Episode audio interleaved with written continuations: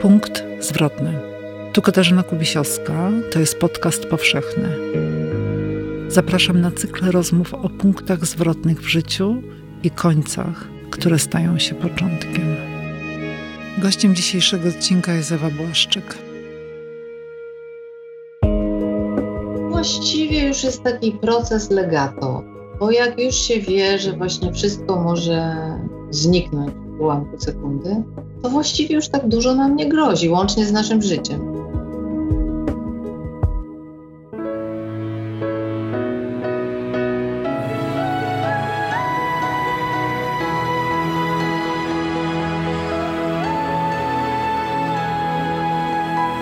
Podcast powszechny. Weź, słuchaj. Dzień dobry, Katarzyna Kubisiowska z Krakowa, ze studia Tygodnika Powszechnego przy ulicy Wiśnej 12. Dziś rozmawiam z panią Ewą Błaszczyk. Dzień dobry, pani Ewo. Dzień dobry, Ewa Błaszczyk z Warszawy, e, z Bielan, z ulicy Podleśnej na plecach Lasu Bielańskiego. Znajduje się w Fundacji Akoba. Mm. Pani Ewo, y, pierwszy punkt zwrotny, który Pani przychodzi do głowy, to jest jaki? E, zapisałam się do zuchów. Mamusia mi kupiła mundurek i taki pas skórzany z klamrą zuch. I pojechałam pod Warszawę chyba do Zalesia Górnego na taką wycieczkę i tam było bardzo tak rygorystycznie i wszystko na gwizdek, siusiu na gwizdek i wróciłam i się wypisałam i to właściwie była jedyna organizacja, do jakiej należała.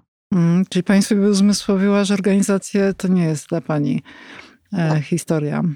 Tak, mhm. tutaj już wyciągnęłam jakieś pierwsze wnioski. Potem na pewno punktem zwrotnym było coś takiego, jak popadłam w taką nieśmiałość w szkole, bo jako dziecko byłam bardzo taka rozbrykana, ciekawa świata, śmiała, nawiązująca kontakty, a potem się jakoś tak wessało mnie do środka w szkole i miałam kłopot. No, i, i, ale interesowałam się bardzo psychiką, emocjami, psychologią, psychiatrią, tak jakby poza tego, że dostawałam z matmy lufy, bo czytałam tam te książki, nie miałam czasu na matmę, której się bałam i w ogóle stroniłam. Natomiast um, właśnie jak gdyby ten kierunek nagle uległ zmianie, bo w czasie wakacji jakoś poznałam ludzi ze szkoły teatralnej i potem przychodziłam na ich dyplomy i zobaczyłam, że mogę robić to samo, czyli analizować postać, rozbierać jej emocje na części, znajdować motywy, ale robić to w iluzji nie naprawdę. Hmm, ale jeszcze zanim pani rozwinie ten wątek, to mnie ciekawi, skąd ta nieśmiałość, skąd ona się nagle wzięła. Pani powiedziała, że, że była rozbrykaną dziewczyną, a tutaj jakieś cięcie. Pamięta pani ten moment? Proces szkolny proces szkolny po prostu. Potem moje piątki były mniej warte niż czyjeś truje i tak dalej, i tak dalej. Zawsze stałam nie tak, zawsze siedziałam nie w tym fotelu, nie w tym czasie. Mm, czyli system. Przy, przy, wszyscy jakoś stali na przystanku autobusowym lepiej, no.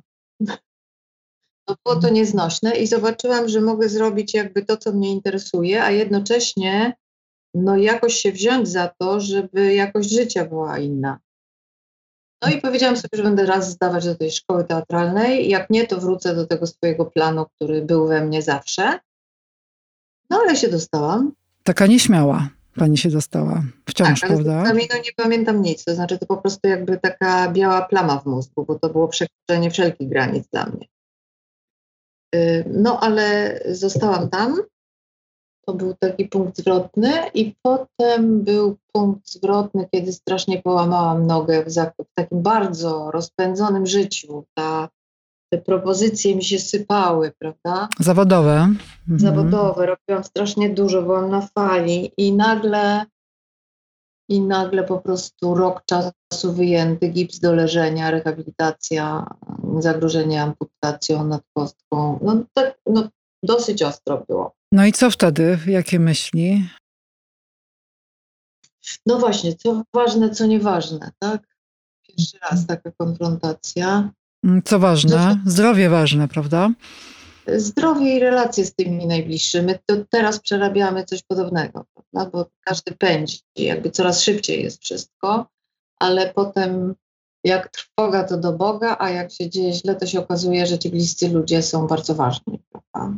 Tylko często już żeśmy z nimi prawie stracili kontakt, bo jest bieżączka i gonitwa.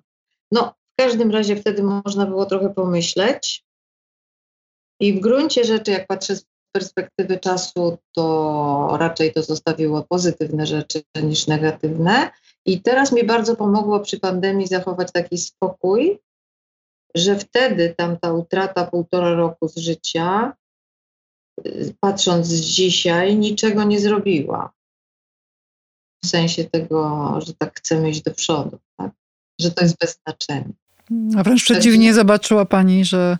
Tak, inne, inne wartości.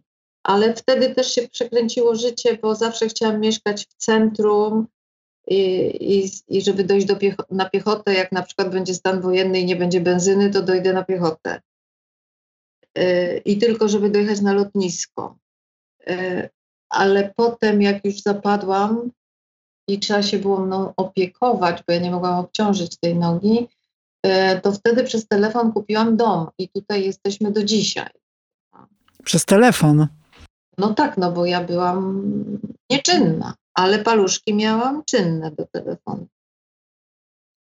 Y, Jacek Janczarski, mój mąż, jechał, fotografował te wybrane y, rzeczy polaroidem i ja potem to przeglądałam i tam już na finał mnie tu z moim bratem przywieźli na tak zwanym siodełku poza samochodem. Obejrzałam włości i zaczął się remont. Także jesteśmy tu do dzisiaj, tu jest siedziba fundacji, jakby takie gniazdo tutaj mamy gwieździstej i podleśnej. Pani miejsce do życia to jest? Tak, to jest moje miejsce do życia i po tym wypadku Oli, po Jacka śmierci też mi tak mówili ludzie, wynieść się stąd, tu się tyle stało takiego przykrego. Ja mówię, nie, ja tu z nim sadziłam drzewa, to jest moje miejsce. Ja lecę samolotem, widzę to światełko i wiem, o, tam jest moje miejsce. Także, mm, także bardzo jestem związana tutaj z tym kawałeczkiem. Opowie Pani o tych drzewach, które sadziła Pani z mężem? No rosną, no teraz jest taki jeden srebrny świerk, sięga nieba i jest przepiękny. A to wszystko były takie małe krzaczki tutaj i, i modrzewy, no różne rzeczy tutaj wsadzaliśmy. Tylko po prostu patrzę się na nie i mam taki spokój, mam, mam korzenie, mam pień. Hmm. No i zrobiliście to razem. Tak, oczywiście, no to jest bardzo ważne. To jest też ważne dla moich dzieci, prawda? Hmm. No, śmierć męża no to jest punkt zwrotny, bo to jest taka, no, po prostu śmierć w związku. No tak, no po prostu wszystko w roku 2000, tak, te 20 lat temu. E, I oczywiście, że to jest, trzeba było się nauczyć pewnych rzeczy, którymi się nigdy nie zajmowałam. Na, na przykład? przykład? Na przykład mam taką cechę, że nie znoszę wracać do domu, w którym nikogo nie ma. Mm. Jak do tego się pani przyzwyczajała? Jak długo się człowiek przyzwyczaja do takiej sytuacji nowej? Że nikt nie czeka. To, to bardzo trudne jest. Takie, takie, no bo takie prozaiczne rzeczy oczywiście, jak tam samochód, no wiedziałam, że do tej pory wiedziałam, że samochód ma jeździć, tak? A co się dalej dzieje, no to, to już była sprawa. Y, I takich rzeczy mnóstwo, no tych bytowych, takich, żeby ogarnąć y, dom, funkcjonowanie sprzętów i tak dalej, i tak dalej. No ale potem zaraz była Ola, także nie było czasu e, w ogóle na zagłębianie się w jakieś rzeczy, bo po prostu działać. Tak? A w 2002 już była fundacja zarejestrowana, więc. Dwa lata. Więc to szybko poszło. No pierwszy rok było, było rzeczywiście, siedziałam non-stop w szpitalu i, i to była taka walka o życie codziennie, e, więc to był taki trudny okres i wtedy właściwie tak się odsunęłam od wszystkiego i siedziałam w takim kokonie z nią. No, pilnując oczywiście też Mani, żeby nie poczuła się gdzieś na marginesie, no ale to ją taszczyłam też do tego szpitala, bo co ja miałam robić? E, jeszcze miałam jakieś takie rzeczy jak e, spektakle od czasu do czasu, no ale nic nowego nie robiłam. Potem coś miałam robić z Krzysiem Warlikowskim, Bachantki chyba, ale on przytomnie się zapytał, czy, czy ja dam radę w takim stanie, bo tym bardziej, że tam się dziecko kroi.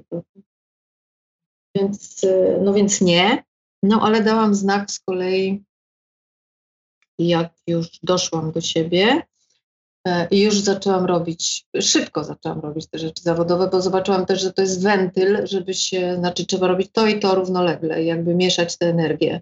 Mhm żeby nie pozostawać w jakimś jednym sosie. I, i, i potem już poszło, tak? No, no, no to już tam zrobiłam Teatrze Mewę i potem zrobiliśmy właśnie z Krzysiem, z Dybukiem, skoczyłam w Dybucha, pojechaliśmy do Petera Bruka, do Dinorty, do Paryża, tam posiedzieliśmy, no jakby zaczęło się, tak? I od tamtej pory już idzie.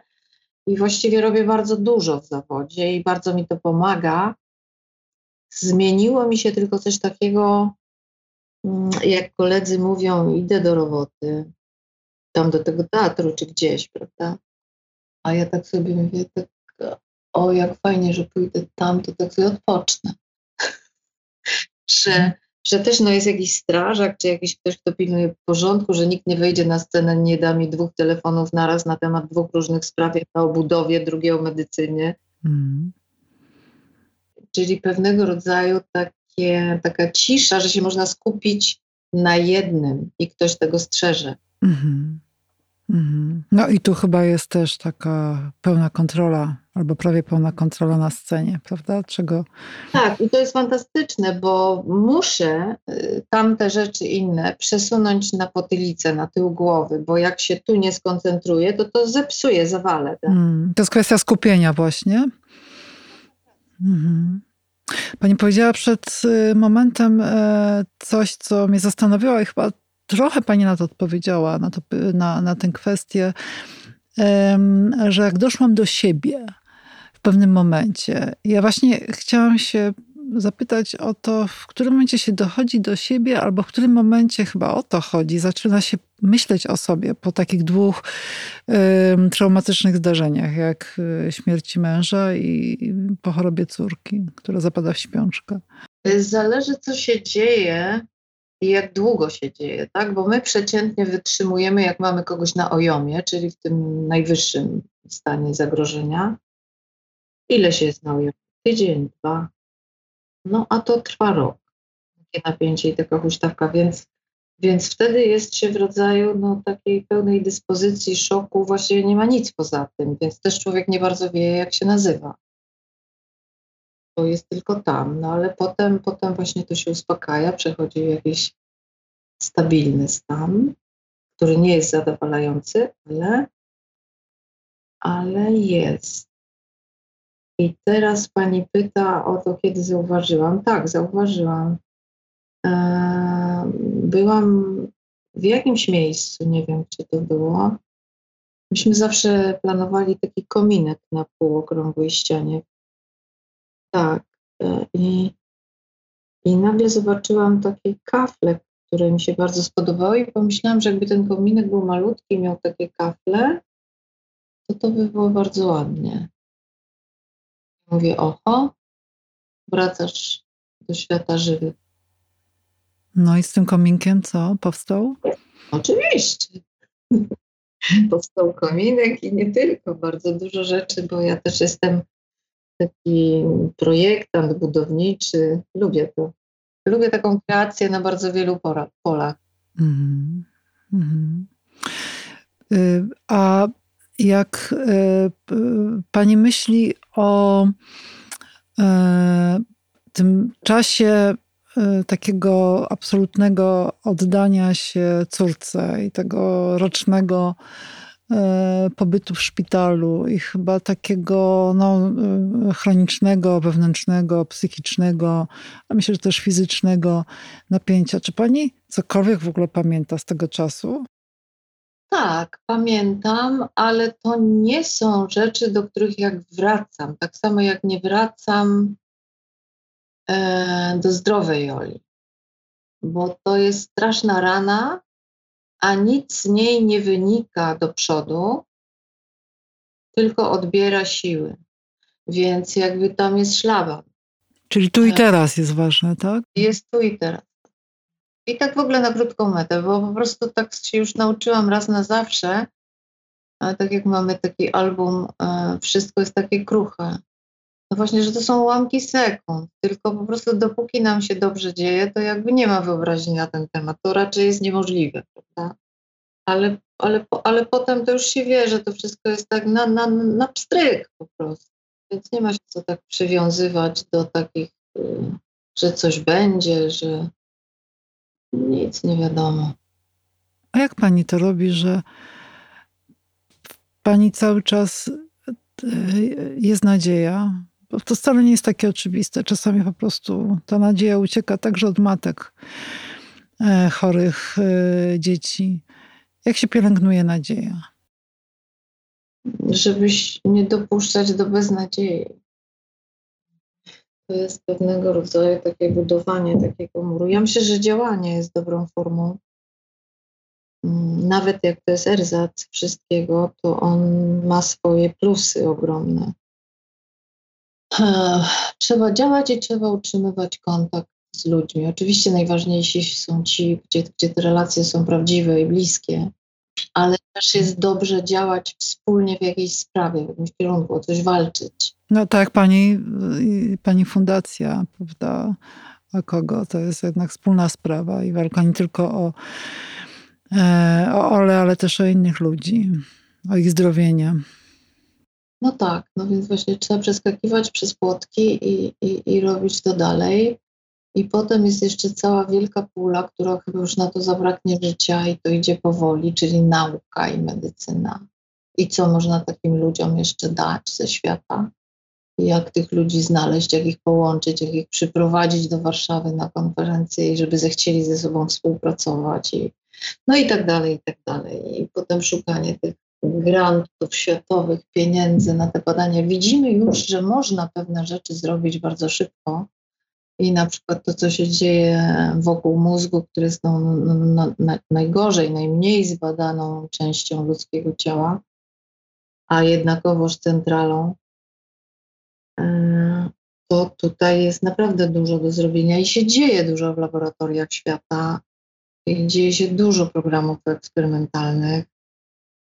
E, ale czy terapia genowa, czy terapia komórki macierzystej neuralnej, żeby odbudować połączenia neuronowe, to wszystko jest bardzo ciekawe, ale jest długą, mozolną pracą i to jest taka walka z czasem. Nie, nie, niewątpliwie jest to otwarty obszar, gdzie będzie można e, wiele chorób neurodegeneracyjnych mózgu pokonać.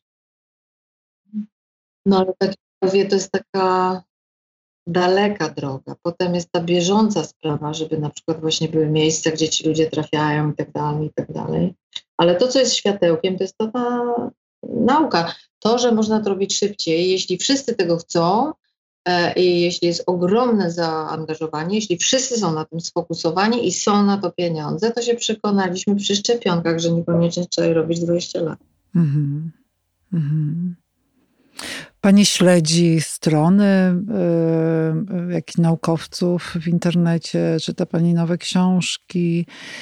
Y, pani jest bardzo na bieżąco z tym wszystkim, co się dzieje wokół y, badań nad mózgiem. Ostatnio w pandemii czytałam więcej sztuk dramatycznych, bo też powiedziałam, że jak nie ma teatru, to mogę sobie, co ja mogę zrobić? Mogę zrobić monodram, bo to mogę zrobić między fotelem a łóżkiem sama ze sobą. E, no więc szukałam sztuk jednoosobowych i dwuosobowych. Przeczytałam ponad 20 ze świata. Znalazłam, robię. Co pani znalazła? Znalazłam młodego polskiego dramaturga Jacka Góreckiego, który napisał taki tekst. Nazywam się Tamara Biakow i jestem legendą. E, I sobie nad tym pracuję. Także po prostu raczej scenariusze czytałam, jakieś projekty, tak, takie rzeczy z zakresu kultury, nie medycyny, dlatego że przy medycynie chciałabym, żeby się wypowiadali e, fachowcy, pasjonaci. A ja po prostu tak służymy jako fundacja, jako takie super glue, żeby ich skleić razem, żeby, żeby z tego coś naprawdę mogło wyniknąć pożytecznego. To znaczy, ja za mało mam wiedzy i nie jestem ani neurochirurgiem, ani neurologiem, ani naukowcem ani i tak dalej, i tak. Natomiast mamy Radę Naukową Budzika i to są Polacy, y, i mamy Radę Naukową Fundacji, gdzie jest cały świat. I to już są ludzie absolutnie jakieś no, guru, że tak powiem, y, w tamtym swoim obszarze i w dziedzinie, i w kraju, tak? Ale normalnie robimy konferencje z nimi i oni bardzo je lubią. My też staramy się bardzo o nich dbać, żeby żeby byli dopieszczeni i żeby poznali ten kraj w ogóle i co tu jest, jak tu jest, jakie są nasze intencje. I zazwyczaj to jest bardzo pozytywne. Także w tej chwili się spotykamy na Zoomie, ale to oczywiście trzeba cały czas podtrzymywać i potem wrócić, bo jednak z tego bezpośredniego kontaktu dużo więcej wynika. Hmm. A mnie jeszcze ciekawi ta rzecz, o której pani powiedziała, że przeczytała w czasie pandemii około 20 sztuk jedną wybrała. I co musi być w sztuce, że właśnie pani sobie myśli, a to jest dla mnie, ja chcę to zagrać. Jakie ona ma spełniać kryteria, żeby Ewa no Błaszczyk się zdecydowała? Ja nie lubię monodramu, nie przypadam. Znaczy, na pewno mogę powiedzieć, że tak było. Ale potem życie, żeby odparować i nie chodzić do psychiatry, bo mi lepiej zrobił ten na przykład Joan Didion, Rok Magicznego Myślenia, E, z bardzo paralelnym losem Joanny Didion, gdzie wychowała Quintanę, adoptowaną córkę, która zapadła na grypę, potem w powikłaniach tego miała, była w śpiączce, e, wrócili z mężem, pisarzem amerykańskim do domu, on powiedział zdanie, mam wrażenie, że nie jestem w stanie tego wytrzymać, i się przewrócił w talerz buzią, no to ona myślała, że taki żart gruby i zaczęła go ochrzaniać, ale w końcu jakiegoś manewr Heimlicha robi, że może się zakrztusił, a on po prostu umarł. E, I, I potem zniknęła z życia Quintana. I ona napisała sztukę, napisała książkę najpierw, ten The Year of Magical Thinking. Um, I potem z tego zrobiła monodram dla Vanessy Redgrave, to było grane na Broadwayu. Ja się wtedy skontaktowałam z autorką. opowiedziałam jej tę historię, że to jest takie podobne i żebym chciała to zrobić, bo ja jestem aktorem, nie, nie pisarzem. Ona świetnie się zachowała, dała mi jakieś ogromne rabaty, mimo że to było z takiej agencji, która zawsze jest bardzo, bardzo restrykcyjna, ale tutaj to, to była jej wola, jej dyspozycja, więc po prostu się musieli dostosować. I pojechałam zobaczyć Vanessa Redgrave jak to było grane, bo potem już Broadway zeszło i było grane w National Theatre w Londynie. E, I, i, no i nic, no i tak sobie zobaczyłam, zobaczyłam jaka jest różnica między percepcją lo, Londynu, takiego ciężkiego tematu, a Warszawy. E, I dlatego postanowiłam to jakby utwierdzona w tym, co zobaczyłam, zrobić to tutaj, ale na małej scenie. I to był pierwszy monodram, ale on wynikał jakby z takiej potrzeby tego czasu, tak? Mhm. To po prostu wypowiadanie na głos. Zresztą widziałam ludzi na widowni, którzy przychodzili po siedem razy na to, więc też musieli przejść tę drogę. Tak? E, mhm. potem zrobiłam e, Orianę Falaci, chwila, w której umarłam. To jest tekst Remka Grzeli, złożony z jej różnych, taka kompilacja. No ale to nieprzeciętna postać, ale to mi się też jakoś ta, i taka strasznie współczesna. Ja uwielbiam rzeczy współczesne. E, że ktoś ma indywidualną drogę milcze, yy, myślenia i że po prostu wyciąga wnioski z pewnych swoich zachowań i za nie odpowiada. I jednocześnie jest bardzo rzetelny w pracy. Yy, I ta mieszanka mi się bardzo jakoś tak wydała bliska i warta przypomnienia. Też, też walczy ten spektakl z tą łatką, którą jej doklejono, z tą powierzchownością. Także to ciekawe. A teraz, no to taki wybór no, podyktowany w części pandemią, no bo właśnie coś, żeby robić, ale żeby robić coś takiego, no co mnie jakoś, poczułam jakiś ogromny potencjał tego tekstu. Jacek Górecki ma bardzo specyficzny swój sposób pisania i to jest bardzo współczesny język, bardzo ciekawy. Troszeczkę jak Masłowska, jeśli już o jakichś kierunkach mówimy. Taki trochę SMS-owy, jedno, ale jednocześnie bardzo dużo emocji kryje pod spodem, które trzeba wypełnić, więc to jest materiał dla aktora bardzo fajny. I też mówi, generalnie chciałabym, żeby to było o tym, że przeżywamy różne traumy yy, i potem się zasypuje całe życie ten dół, ale yy, różnie do tego podchodzimy. Niektórzy sobie pozwalają na wszystko w związku z tym, że tacy byli biedni, a inni żyją w dyscyplinie. I ta bohaterka akurat jest y, światowej sławy śpiewaczką operową, e, ale jest dzieckiem warszawskiego getta, polskiej Żydówki e, i Niemca patrolującego getto Friedricha Webera. I potem on ją wywozi do Berlina, ale tam no, też szydzą z nich i się śmieją. Dziecko z trupem Holokaustu i tak dalej. Jadą do Nowego Jorku. Tam ona wychodzi za mąż za Biakowa, rosyjskiego emigranta. No i się zajmuje ka ka karierą, e, ale e, taki, taki oglądałam niedawno jakiś film, gdzie no, tak, takie zdanie zacytuję. E, całe życie gryzę, zazdrosna, głodna, zła.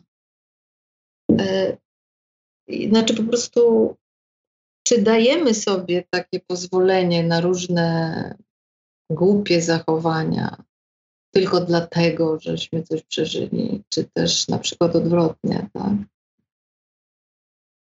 No, w tym wypadku tutaj ona uszkadza swoją córkę w konkurencji do jakiejś roli.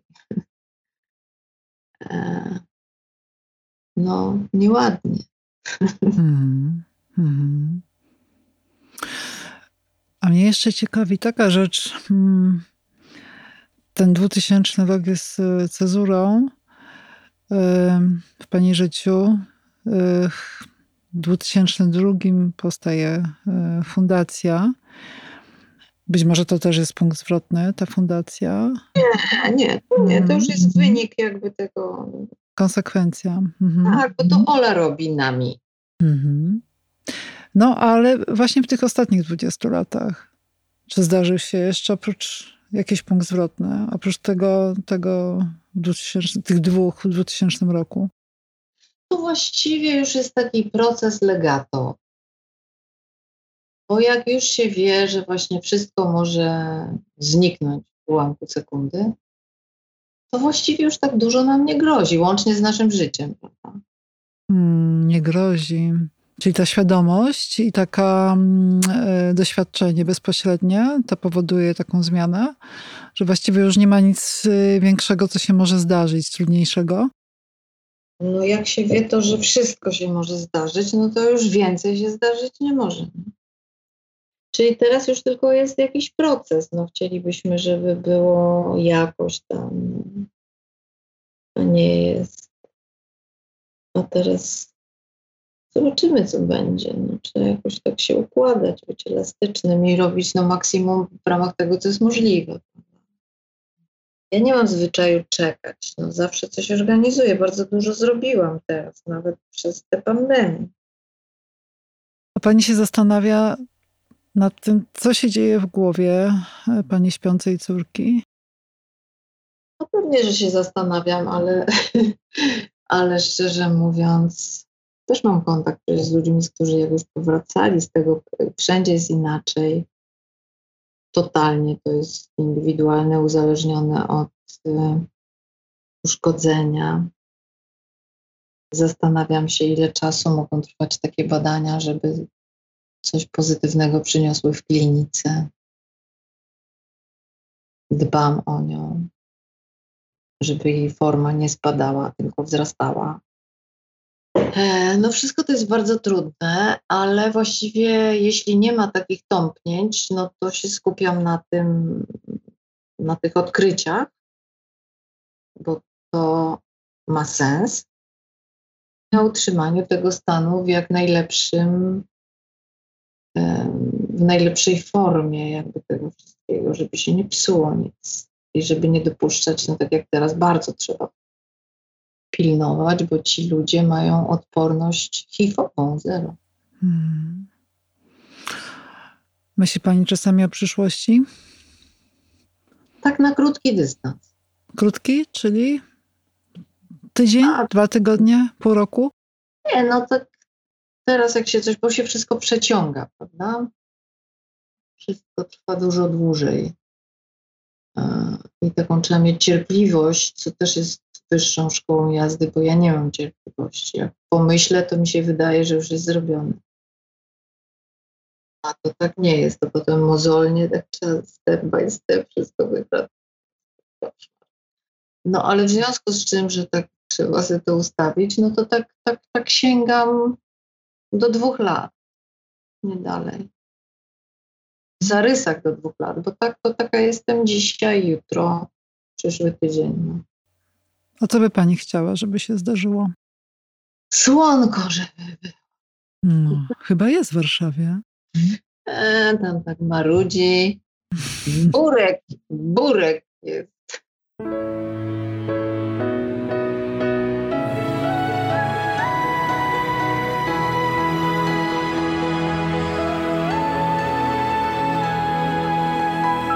Podcast powszechny. Weź, słuchaj. Jeśli słuchają nas Państwo w Spotify albo w Apple Podcasts, zasubskrybujcie nasz kanał. Jesteśmy też w Google Podcasts i w aplikacji Lekton oraz na www.tygodnikpowszechny.pl/podcast. Współwydawcą podcastu powszechnego jest Fundacja Tygodnika Powszechnego.